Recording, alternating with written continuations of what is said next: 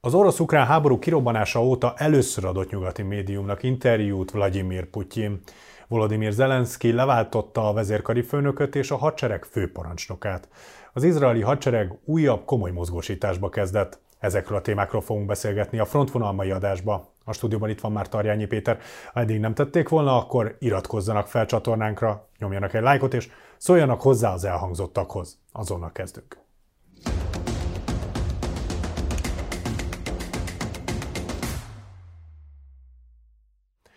Szia Péter, köszöntelek ezen a héten is itt a Én stúdióban.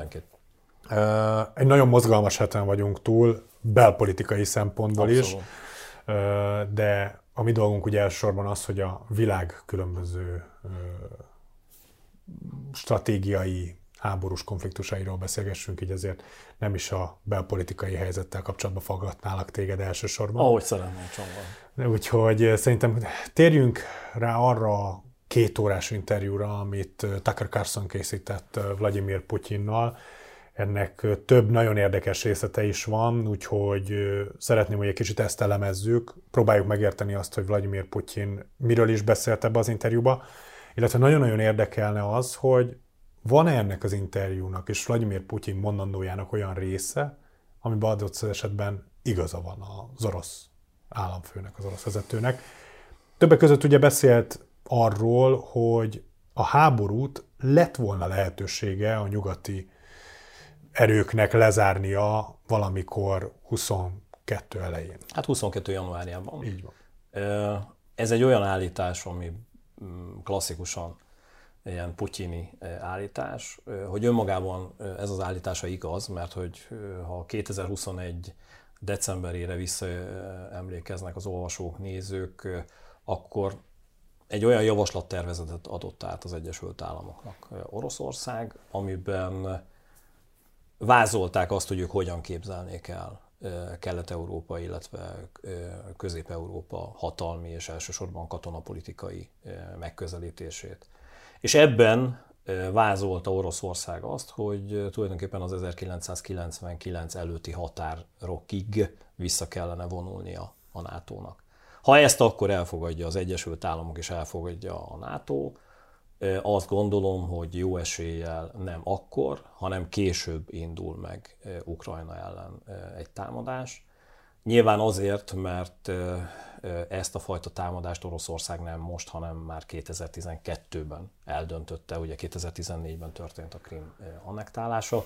Tehát az, hogy Ukrajnát valamilyen úton, módon hasonló állammá, országát tegyék, mint például Fehér Oroszország, ahol konkrétan nyílt katonai erővel úgy Oroszország, tehát megszálló erőként nincs jelen, de valójában Fehér Oroszországban az történik, amit Moszkva akar, illetve a Krem akar. Tehát, hogy egy ilyenfajta visszaállítás történjen Ukrajnában, mindenképpen megtörtént volna, de nem lett volna invázió. Nyilván az, amit Putyin gondol, és azt mondja, hogy el lehetett volna kerülni a háborút, ez egy igaz állítás, de hát ezt nem léphette meg a nyugat. Nem felejthetjük azt el, hogy Lengyelország, Csehország, Magyarország népszavazáson döntött a 90-es években, hogy be kíván lépni a NATO-ba. Azt döntötték ezeknek az országoknak az állampolgárai, hogy nem kérnek Oroszország megszállásából, illetve az orosz katonai fenyegetésből. Tehát az az állítás önmagában, hogy lett volna egy lehetőség, az nem jelenti azt, hogy ezt a lehetőséget meg lehetett volna lépni. Tehát ez egy olyan ultimátum volt akkor, és így gondolatjellel én akkor tudtam azt, hogy be fog következni egy támadás Ukrajna irányába, tehát egy nyílt fegyveres konfliktusba fogunk átfordulni, amikor ezt az ultimátumot, mert nevezzük így, vagy javaslatot, ahogy Moszkva és Putyin apostrofája, megkapták az Egyesült Államokba, és több Washington Postba, New York Times-ba lehozták ezt a javaslat a tervezetet. Tehát ez végrehajthatatlan volt. Az, ami ebben a a beszélgetésben érdekes volt. Egyrészt önmagában az, hogy ez az interjú így létrejöhetett. Tehát azért ne felejtsük azt el, hogy média személyiség oldalról az egyik legerősebb és legnagyobb követő táborral rendelkező republikánusokhoz közel álló személyről beszélünk, és nyilván áttételesen, közvetlenül, vagy bocsánat, közvetve hatást tud gyakorolni Putyin elnök az amerikai választókra ezzel az interjúval. Ne felejtsük azt sem el, hogy Orbán Viktor is adott egy interjút tavaly augusztusban. Most már a második. E, igen, és hogyha ha megnézzük, most én a pontos számokat nem tudom, lehet, hogy te jobban tudod, de valami döbbenetes nézőszámot mozgósított. Pár nap alatt több százezeren nézték meg. Ez a, ez a, ez a videó. És nyilván ez az orosz elnöknek is egy olyan kommunikációs lehetőséget biztosított, hogy közvetlenül tud szólni az Egyesült Államok társadalmához. Az, amiben a, az egész beszélgetés elindult, megint csak klasszikusan rengeteg csúsztatással. Egyrészt azt a fajta orosz álláspontot... Hát egy kép... történelem órával indult. Igen, egész. de a történelem óra azért nagyon-nagyon lényeges, mert abszolút megmutatta, hogy Ukrajnához kapcsolódóan az orosz elit és önmagában az orosz elnök hogy látja Ukrajnát. Egyáltalán nem látja önálló nemzetként. Tehát, és ebben megint... Peremországnak nem. Peremország, hát ugye Ukrajna, Ukrajna, ugye maga ez a szó határt, peremet jelent, és az ott élőket is ilyen határon élőknek nevezi, miközben a kievi fejedelemség és egyáltalán az, hogy az ukrán nemzet valamilyen szempontból jelen legyen, ez ezer évben mérhető, és ezt egy ilyen rutinos ugrással, kommunikációs ugrással jobb át vitte az orosz elnök, és ilyen szempontból abszolút mutatja azt, hogy miért nem értik azt, amikor Ukrajna arról beszél, hogy ők önálló nemzetként látják saját magukat, és önálló nemzetként szeretnének működni. Hát ugye Putyin arról is beszél, hogy amikor ő Kárpátalján járt gyerekként, Így akkor van. ott magyarul és oroszul beszélő emberekkel találkozott ukránokkal.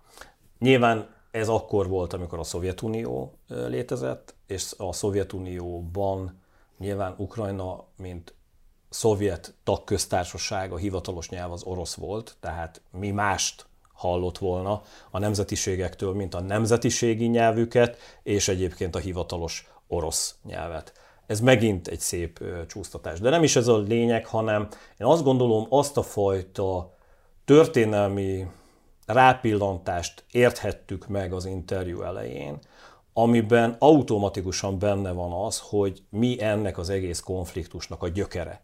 Oroszország soha nem fogja önálló nemzetként Ukrajnát elismerni. Nem ismerhetik el, mert ha ezt megtennék, akkor ténylegesen ki kéne jelenteniük azt, hogy egy inváziót hajtottak végre. És egyébként nem is gondolják így, és ez minden olyan fajta katonai, titkosszolgálati lépést megindokol és jóvá hagy, amit most Oroszország végrehajt. Tehát nekem, tehát megnéztem én is az interjút, ez volt egy döbbenetes, hogy, hogy egy vezető egy ilyen alap hozzáállás kapcsán le tudja bontani, és tényleg a gondolatiságát lehet látni, hogy miért indít el egy támadást, és az elején, ha ez, ez a fejében a helyén lenne, és elfogadná azt, hogy Ukrajna egy önálló nemzet, akkor egészen másfajta megközelítésekben lépett volna Oroszország. Nyilván volt ebben nagyon sok olyan apró fricska, illetve kis viszájmagok, amiben hát magyarként azért lássuk be, amikor arról beszél, és kérdésként felteszik, hogy, hogy Orbán Viktor kérte Kárpátalját, volt-e ilyenről tárgyalás? Tehát nyilván, amikor ilyenről kérdés formájában felmerül, ez nyilván Ukrajna és Magyarország tekintetében nem jó, tehát mert, mert ténylegesen, amikor azt mondja az orosz elnök, hogy nem, de akkor mégiscsak volt erről szó. Tehát már belekerül a kommunikációs nyelvezetbe egy olyan a két ország közötti viszonyban, amire megint rosszul reagálhat Kiev, és rosszul reagálhat Budapest is. Tehát a viszálymagvait is szétszórták szépen ennek a történetnek a, a kapcsán.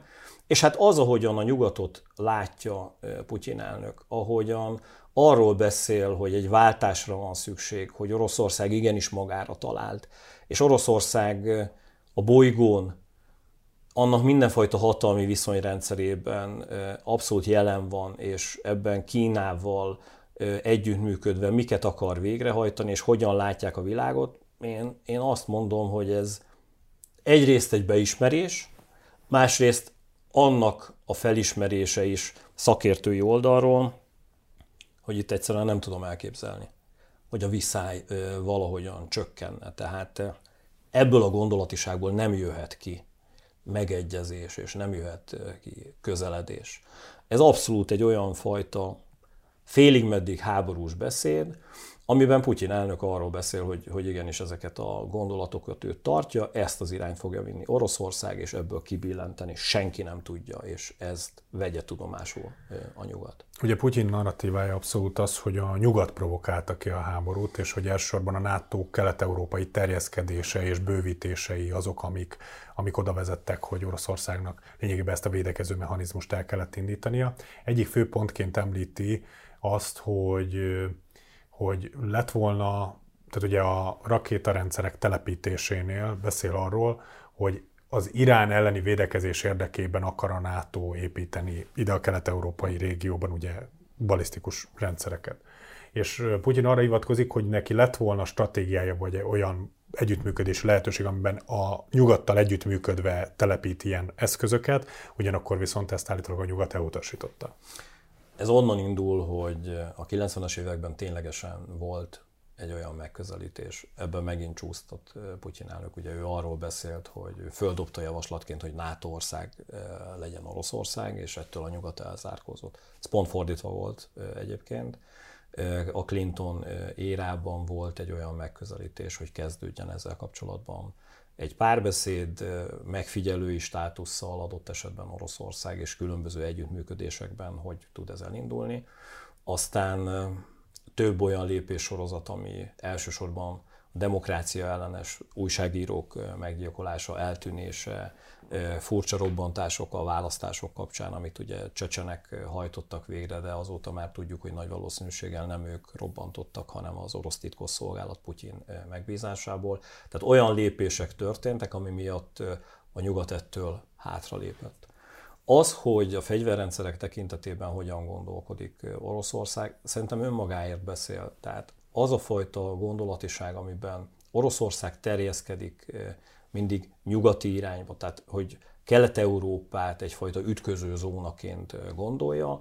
Ebben van egy történelmi csavar, egyszerűen azért, mert Oroszország megélte a napóleoni háborúk idején, és megélte 1941-ben, amikor a Németország lerohanta, a náci Németország lerohanta a Szovjetuniót, Oroszországot. És ennek kapcsán azt mondják, hogy valójában a nagy pusztító háborúk, azok mindig nyugatról érkeztek, és Oroszországnak ez ellen az a védelmi mechanizmusa, hogy sokkal-sokkal komolyabban a biztonsági zónáit kitolja nyugati irányba, ami azt jelenti, hogy valójában Ebben a megközelítésben 1945 után a Szovjetunió nem tett mást, mint egy védelmi zónát eh, hozott létre, a Balti tengertől az Adriai tengerig, ebbe ugye benne volt a ketté szakadt Németország NDK-s része, de Lengyelország, Csehszlovákia, Magyarország, ugye Jugoszlávia, stb. Ez a Balkán egy része, Bulgária, Románia, és valójában ez annak elfedése, hogy ezek az országok nem akarták hogy a Szovjetunió a ilyen szerepet osszon ki számukra, és nem akarják most sem. Tehát ezek az országok szuverén országok, és ezeknek az országoknak másfajta biztonságpolitikai megközelítése és másfajta biztonságpolitikai érdeke van, mint Oroszországnak. És ez az, amit, és ebben megint egy csúsztatás van, amit egyszerűen Moszkvában nem vesznek tudomásul. Egy nagyon egyszerű megközelítésben állnak ehhez. Egyszerűen a világ vegye tudomásul, hogy Oroszországnak van egy ilyen fajta biztonságpolitikai kérése, ami azt jelenti, hogy vegye tudomásul a nyugat, vegye tudomásul az Egyesült Államok, hogy Kelet-Európa Oroszországé, a Baltikumtól kezdve végig, ahogy előbb felsoroltam, az Adriai tengerig és a Balkánon át minden ebben a közegben és ezeken a területeken Oroszország érdekein keresztül kvázi, hogy mi történik, ezt Moszkva dönti el, és ezt fogadja el Kelet-Európa is. Tehát ezek az idők elmúltak. Tehát én értem azt, hogy a mostani Krem logika szerint ez jó. Értem azt, hogy van egy olyan történelmi múlt, amihez kapcsolódóan vannak támadások, amitől fél Oroszország. És ezzel számolni is kell, tehát ezzel sincsen bajom.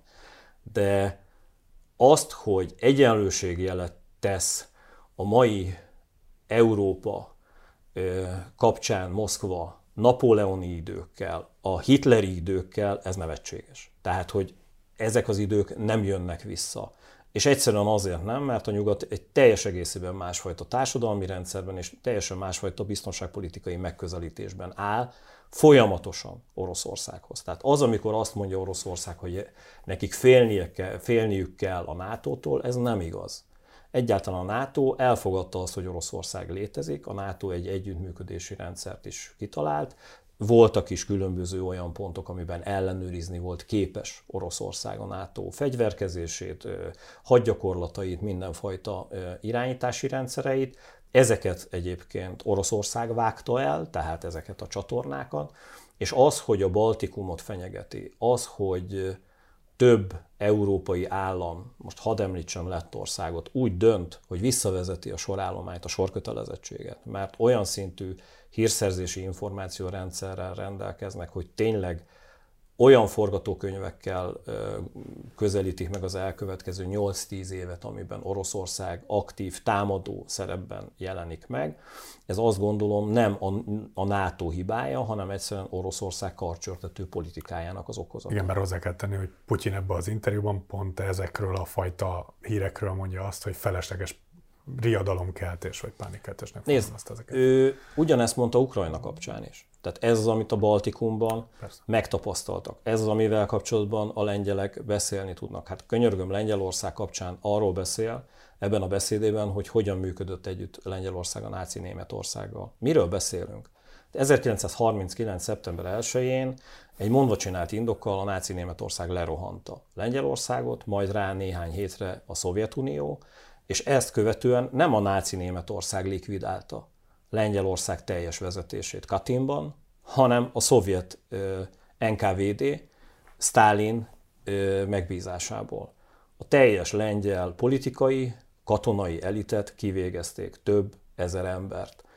A mai napig egyébként még holtesteket exhumálnak abban a térségben, és találnak tömegsírokat. Tehát az, amikor azt mondják a balti államok, hogy köszönik szépen, ezt nem kérik. Az, hogy Lengyelország már csak emiatt az egy jó miatt is a Molotov-Ribbentrop paktum kapcsán azt mondja, hogy nem kérnek Oroszországból. Az, hogy Magyarországon beszélhetünk 1848-ról, beszélhetünk 1945-ről és 1956-ról, könyörgöm, ezek megtörtént események. És beszélhetünk arról is, hogy Oroszország végig arról beszélt 2014 után is, hogy semmit nem akar Ukrajnától. Nem akarja megtámadni, nevetséges, amit ezzel kapcsolatban a nyugat mond. És bocsánat, egy konkrét információ 2022. januárjában volt Orbán Viktor Putyin elnöknél. Konkrétan erről is beszélgettek, és hazajött Orbán Viktor, és arról beszélt mindenkinek a médiában, hogy ez egy furcsa, ilyen nyugati rossz megközelítés és beidegződés, hogy mindig ilyen mumusként állítjuk be Oroszországot, aztán 2022. február 24-én Oroszország megtámadta Ukrajnát. Ugye ennek az interjúnak van egy magyar vonatkozása is, hiszen konkrétan Tucker Carlson rákérdezett arra, hogy szóba került az Orbán Viktorral, amikor találkoztak és egyeztettek, hogy Kárpátalját visszacsatolják Magyarországhoz, és ezt Vladimir Putyin tagadta, és azt mondta, hogy ez szóba sem került, és akkor ennek kapcsán viszont még azt megjegyezte, hogy ettől függetlenül lehet, hogy az ott élő magyar őshonos lakosság jobban örülne, hogyha Magyarországhoz tartozna, mint Ukrajnához. Mit gondolsz erről? A Azt gondolom, és ez, amit előbb mondtam, hogy ezek a viszály amit így nagyon-nagyon szépen lehet szétszórni. Mert De ez, ez mondjuk magyar szempontból annyira megint nem mutat jó. Persze, meg hát tudod, amikor nem az örög a haraszt, ha nem fújja a szél. Tehát, hogy miért teszi föl ezt kérdésként? Tehát persze nem beszéltek egymással. Tehát ugye az emberek így épül fel a kommunikáció, és ez tényleg igaz, hogy a rossz hírt hamarabb elhiszik az emberek, mint a jó hírt. Tehát, hogy az ember így van összerakva. És ezt e, Moszkvában zseniálisan használják ki nagyon-nagyon sok összeugrasztás kapcsán. E, miközben nagyon sok esetben azt mondja a magyar kormányzat, hogy Oroszország barátként tekint Magyarországra. Ez egyáltalán nem baráti lépés. Nem. Hát amikor arról beszélünk, hogy Magyarország vonatkozásában az orosz elnök azt gondolja, hogy megérteni, hogyha revizionista gondolataink lennének, miközben nincs. Tehát miközben egyébként ezt tegyük hozzá, A magyar kormányzat több esetben furcsán beszél Oroszországról, de nem volt olyan kérés sosem, hogy Kárpátalját szeretné a magyar kormányzat, vagy Magyarország visszakapni, vagy felvidéket, vagy Erdélyt, vagy délvidéket. Tehát amikor egy nagy hatalom első számú vezetője arról kezd el beszélni, hogy egyébként ezt teljesen megérteni. Erre minden szomszédunk felsziszen, hogy mi van, akkor ezt el kéne kezdeni nézegetni. Tehát ez, ez egy hihetetlenül rossz indulatú lépés, kommunikációs lépés, aminek kapcsán Hát én nem gondolom, hogy Moszkva és Oroszország a barátunk lenne, mert ha tényleg a barátunk lenne, akkor nem csinálna ilyet. Közben a háború határának a túloldalán Volodymyr, Volodymyr Zelenszky hát lényegében teljesen újra szabja a hadi, hadi vezetést és a, a teljes háborús első sort mondhatni, ugye a főparancsnok, a, a hadsereg főparancsnok, a vezérkari főnök, és azóta már még több embert is kicserélt, van akinek a helyére már újakat is nevezett ki. Ugye múlt héten még arról beszéltünk, hogy a nyugatnak kifejezetten kérése volt az, hogy ez, ez nem most induljon el, ugye mikor arról vannak a tárgyalások, hogy hogyan és milyen formában finanszírozzák tovább ezt a háborút Ukrajnában. Hát ez nem nagyon hatotta meg a, az ukrán miniszterelnököt. Ezzel kapcsolatban két gondolatom van. Az egyik gondolata az, amikor rendszeresen arról beszélnek itthoni szakértők, hogy, vagy a miniszterelnök úr is, hogy valójában Zelenszky elnökre rá lehet parancsolni. Megint egy élő példa van, hogy így van, ahogy mondod, és erről beszélgettünk is, hogy a nyugatnak nagyon határozott kérései voltak, hogy ne történjen meg ez a fajta vezetői csere, mert hogy háborúban ez nem annyira jó megközelítés, különösen akkor nem, amikor nehéz helyzetben van egy hadsereg. És túlnyomó részében álláspontom szerint belpolitikai okok miatt, választás stratégiai okok miatt Zelenszky megmondta a vállát, és azt mondta, hogy nem érdekli, hogy mi az, amit kér. Az Egyesült Államok mi az, amit kér a NATO, a NATO főtitkár. Nem is nagyon tudok olyan csatornát mondani, ahonnan nem ment volna jelzés a nyugat oldalára, hogy, hogy ezt ne, ne tegye meg Ukrajna. És megvonták a vállukat, és megtették. Az, amit a múltkori adásban ugye egy hete hétfőn beszélgettünk, végül is megtette így, ahogy mondod Zelenszky. Nyilván nem csak az első számú vezetőt, akkor is mondtam, hogy itt, itt mindig csapatot váltanak, és egy új csapat érkezik. Katonai megközelítés szempontjában, hogyha vizsgáljuk a két megközelítést, az egyik megközelítés, tehát a volt parancsnok elsősorban a védelmi műveletekre helyezte a hangsúlyt, és arra, hogy hogyan tud hosszú távon saját védelmi ipar kiépítésén keresztül olyan ellenállást felépíteni Ukrajna, ami kivérezteti az orosz erőket. Ezzel szemben, és ez egy alap konfliktus volt Zelenszky, illetve az Aluzsnyi között, Zelenszky politikai oldalról azt mondta, és ebben egyrészt saját érdekei is vannak, másrészt a nyugat érdekei is, hogy valahogyan aktívan kell fellépni, és Oroszországot ki kéne szorítani azokról a megszállt területekről, és ezen keresztül belpolitikailag bebetonozhatja magát Zelenszky, illetve hát a nyugat érdekei is érvényesülnek. Ezzel kapcsolatban Zaluzsny egy nagyon határozott véleményt követett, és nyíltan szembefordult az elnökkel. Az, ami Szerintem leginkább az elnöki kommunikációs gépezetet kiakasztotta az az, amikor ő önállóan elkezdett nyugati médiumokban posztolni, illetve írásokat közzétenni. Tehát itt a kettős beszéd indult el. És egyébként vezetői oldalról azt kell, hogy mondjam neked, hogy valahol értem azt, amikor egy vezető azt mondja, hogy egy ablakos modellben, tehát ha én vagyok az első számú vezető, én kommunikálok elsősorban, ha ezzel ellentétes kommunikáció bárhol külföldön megjelenik, az nem egy bocsánatos bűn. Az új vezetés oldaláról egy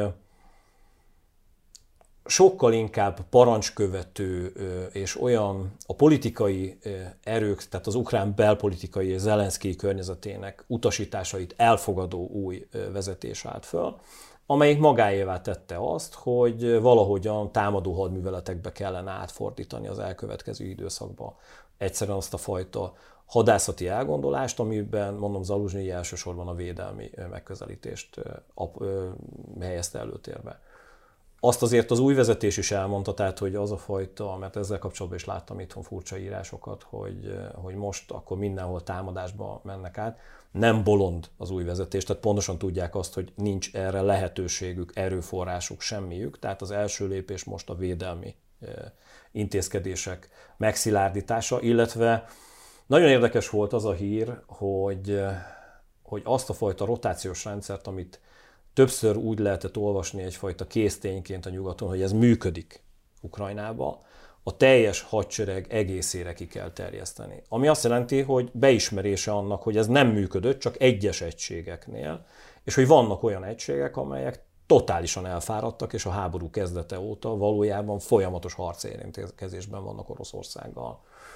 Én azt gondolom, hogy az elkövetkező hetekben több ilyen furcsaságra fog fény derülni, amiről tudunk majd beszélgetni, amit eddig úgy gondoltunk, hogy, hogy Ukrajnában rendben van, aztán kiderül, hogy valójában dőlnek ki a csontvázak a szekrényből, hiszen, hiszen nem úgy működik a rendszer. De az biztos, hogy sem a belpolitikai hangulatot, sem a külpolitikai kéréseket Zelenszky és környezete nem vette figyelembe, és így lesöpörte az asztalról. Hogy ez mire lesz elég, ezt nem tudom. Az elkövetkező 8-10 napban az első, ha jól tudom, az első megmérettetés meg lesz a tekintetben, hogy a republikánusok hozzájárulnak ahhoz, hogy Ukrajna megkapja azt a 60-70 milliárd dolláros katonai támogatást, vagy sem.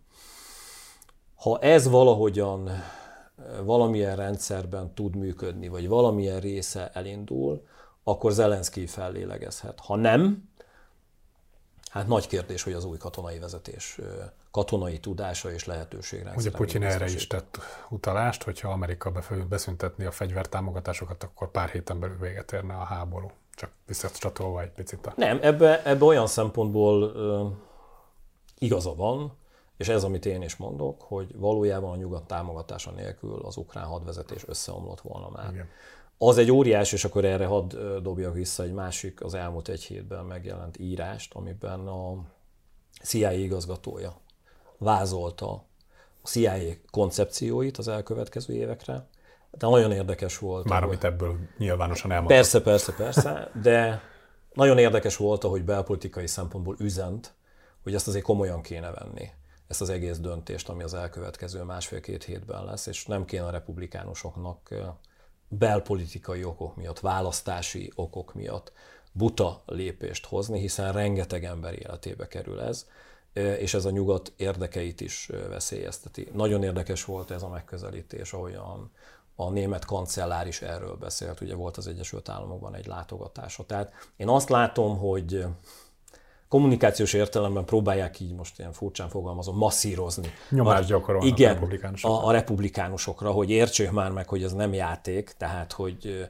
és ez valójában nem az. Tehát napi szinten százasával halnak meg ukrán katonák, és több százan sebesülnek meg egyszerűen azért, mert az Egyesült Államok elhitette Ukrajnával, hogy folyamatosak lesznek a katonai szállítmányok és a muníció és utánpótlás. Emiatt belekezdett hadműveletekbe Ukrajna, és ezeket a hadműveleteket így nem lehet egy karikacsapásra abba hagyni. Ha már a republikánusoknál tartunk, hogy Donald Trumpnak volt megint egy érdekes kijelentése, ami ugye arról szólt, hogy ha újra ő lesz az Amerikai Egyesült Államok elnöke, és lehetőség és hatalom lesz a kezébe, akkor majd a NATO nem kapja meg Amerikától a támogatást. Azért ez ha jól sejtem, nem egészen így néz ki, és nem ilyen egyszerű. Egyrészt nem így néz ki, és akkor ebben megint tegyünk egy picit rendet. Itthon is, illetve a nyugati médiában is, ha nézzük például az új lengyel miniszterelnököt, nagyon kemény megfogalmazások születtek, miközben valójában ez nem egy új keletű gondolata Donald Trumpnak. Az ő elnöksége idején volt az első felvetése, amikor azt mondta, hogy nevetséges azért az, és ebben van igazság, hogy miközben a NATO által elfogadott 2%-os GDP arányos költés lenne kötelező a NATO országoknak, van olyan ország, nem is egy akkor, amelyik az 1%-ot nem éri el, és vajna egy nagyon kényelmes hozzáállás a nyugati országokban, különösen Európában, hogy nincsen semmi gond, ezzel nem kell foglalkoznunk, jóléti intézkedésekkel tudunk rendet tartani az országunkban, mert ha baj van, úgyis jön az Egyesült Államok. És erre mondott akkor nemet az amerikai, akkori amerikai elnök Trump, amiben azt mondta, hogy na eddig és ne tovább, és tessék kifizetni azt a két százalékot, mert hogy egyszerűen az Egyesült Államok forrásai is végesek, és vannak olyan belpolitikai intézkedések, például a migráció kapcsán, ami hihetetlen mennyiségű pénzt igényelne, és fontos az Egyesült Államok belbiztonsága szempontjából. Ez az egyik, tehát hogy mondjam, ez a mérleg egyik serpenyőjében az amerikai álláspont, és van benne igazság. Azért azt elfelejti a mostani kijelentésében, hogy ezt az európai vezetők komolyan vették. Sőt, azután még komolyabban vették, hogy Oroszország lerohanta Ukrajnát. Ha megnézzük a GDP arányos költést, Magyarország is hamarosan 2%-ot fog, nem az idei évben, de 25-26 Közelít hozzá. közelítünk hozzá. Lengyelország már most túllépte. Lengyelország 3,4%-át költi, és elhatározták azt, hogy a GDP-jüknek, hogyha így folytatódnak ezek a, a hadműveletek, 5-6%-át fogják költeni az elkövetkező években haderőfejlesztésre. És az, ami miatt és egy kicsit más a GDP-je Lengyelországnak, mint nekünk. Így van.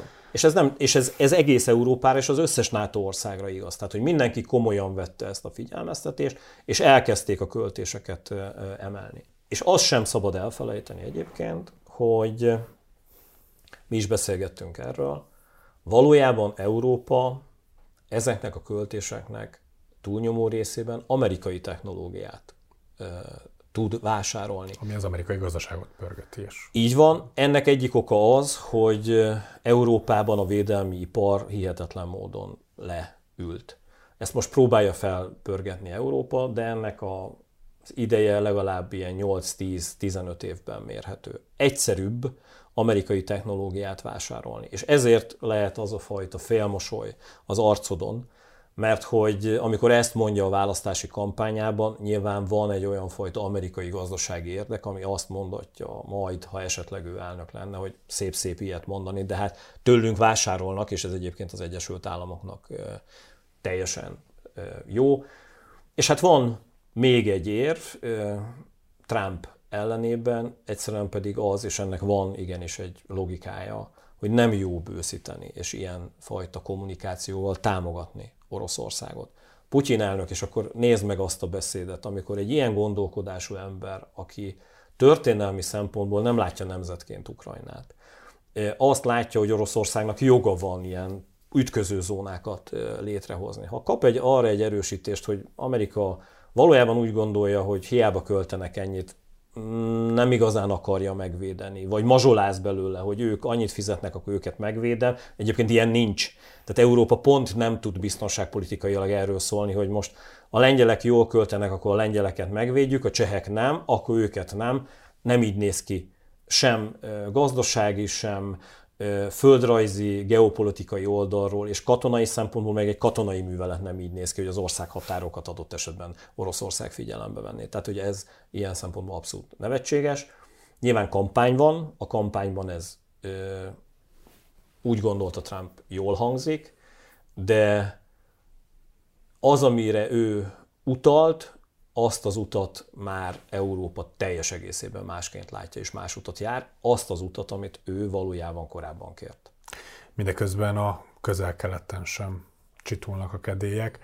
Az izraeli hadsereg ugye megindult délnek, a gázai vezető lefelé délre, a Rafa városa felé, ahova a gázai övezetben élő mintegy 2,4 millió embernek nagyjából a fele oda vonult, oda, oda vonult el, ugye itt inkább sátortáborok vannak kialakulva, menekültek vannak ott, de hát az izraeli hadsereg közölte, hogy rengetegen tudtak oda menekülni ugye a, a Hamásztól is, úgyhogy, úgyhogy minden lényegében szárazföldön, vízen, levegőben mindenhogy megindította az izraeli hadsereg a támadást. És hát Egyiptom reagált is, mert ugye ez nagyon közel esik az egyiptomi határhoz, hogy a korábban kötött békegyezményeket ezáltal veszélybe sodorja, és akár hajlandó is lenne felrúgni. mi történhet itt a következő napokban, hetekben? Nem gondolom azt, hogy Egyiptom fölrúgná ezt a békeegyezményt. Egy olyan figyelmeztető jelzést adott le, ami ténylegesen arról szól, hogy ilyen méretű katonai erő, ha megjelenik az egyiptomi határ közelében, ez azért nem tetszik nekik, mert hogy átélték azt korábbi háborúk kapcsán, amikor Izrael igenis hadgyakorlatok, illetve ilyen fedett légi gyakorlatok kapcsán egyszerűen támadást hajtott végre Egyiptom ellen, és hát azért ne felejtsük el, hogy volt olyan arab-izraeli háború, ahol a Földön Egyiptom légierejének megközelítőleg 50-60 százalékát, tehát úgy, hogy föl se tudtak szállni az egyiptomi repülőgépek, meglepte Izrael, és lebombázta azokat az eszközöket. Igen, nem, bocsánat, csak egy kérdés, hogy amikor éppen Egyiptomba jártunk, akkor, akkor én úgy tudom, hogy amúgy, viszont ettől függetlenül, ha nem meglepetésről beszélünk, egyiptomi hadsereg az konkrétan jelentősen nagyobb, mint az izraeli. Tehát, hogy létszámát tekintve Igen. elképesztő méretű az egyiptomi hadsereg. Eleve nem lehet összehasonlítani a két országot, hiszen Egyiptom közel most már 100 milliós nemzet. De hogy lakosságarányosan is brutálisan igen, magasak hadsereg igen, létszáma. Igen, és hogy ilyen szempontból, ha az életkorfát nézzük, az átlag életkor az ilyen 40 év környékén van, tehát rengeteg a fiatal. És a fiataloknak abszolút az egyik ilyen kiindulási pont, vagy kilépési pont a hadseregben való megjelenés, ami miatt Egyiptom hadserege egy feldúzzasztott hadsereg, tehát vannak nagyon komolyan vehető és jó kiképzett részei is, de van egy tömeghadsereg mérete is, amit egyébként Izrael nem vehet félváról. Tehát nyilván van egy olyan fajta katonai potenciál és egy olyan fajta fenyegetési rész Izrael felé, amiben Izrael látja azt, és ezért gondolom azt, hogy itt, itt nem lesz a két állam között összeütközés, mert egy ilyen fajta háború most nem hiányzik egyáltalán Izraelnek. És a nyugat sem tekinteni pozitívan egy olyan helyzetet, amikor egy terrorszervezet ellen elindul egy terrorellenes művelet, ami egyébként most már abszolút katonai művelet ként minősíthető, és ezzel mondjuk átterjedne Egyiptomra, és Izrael háborúzni kezdene. Viszont Egyiptom leadja azt a jelzést, aminek elsősorban a menekültügyi része fontos, mert hogy azzal vannak tisztában, hogy abból a sátorvárosból és abból az övezetből az oda menekült másfél millió ember a katonai műveletek után döbbenetes és gyors sebességgel meg fog indulni az egyiptomi határ fel, és nem fogják tudni őket feltartóztatni.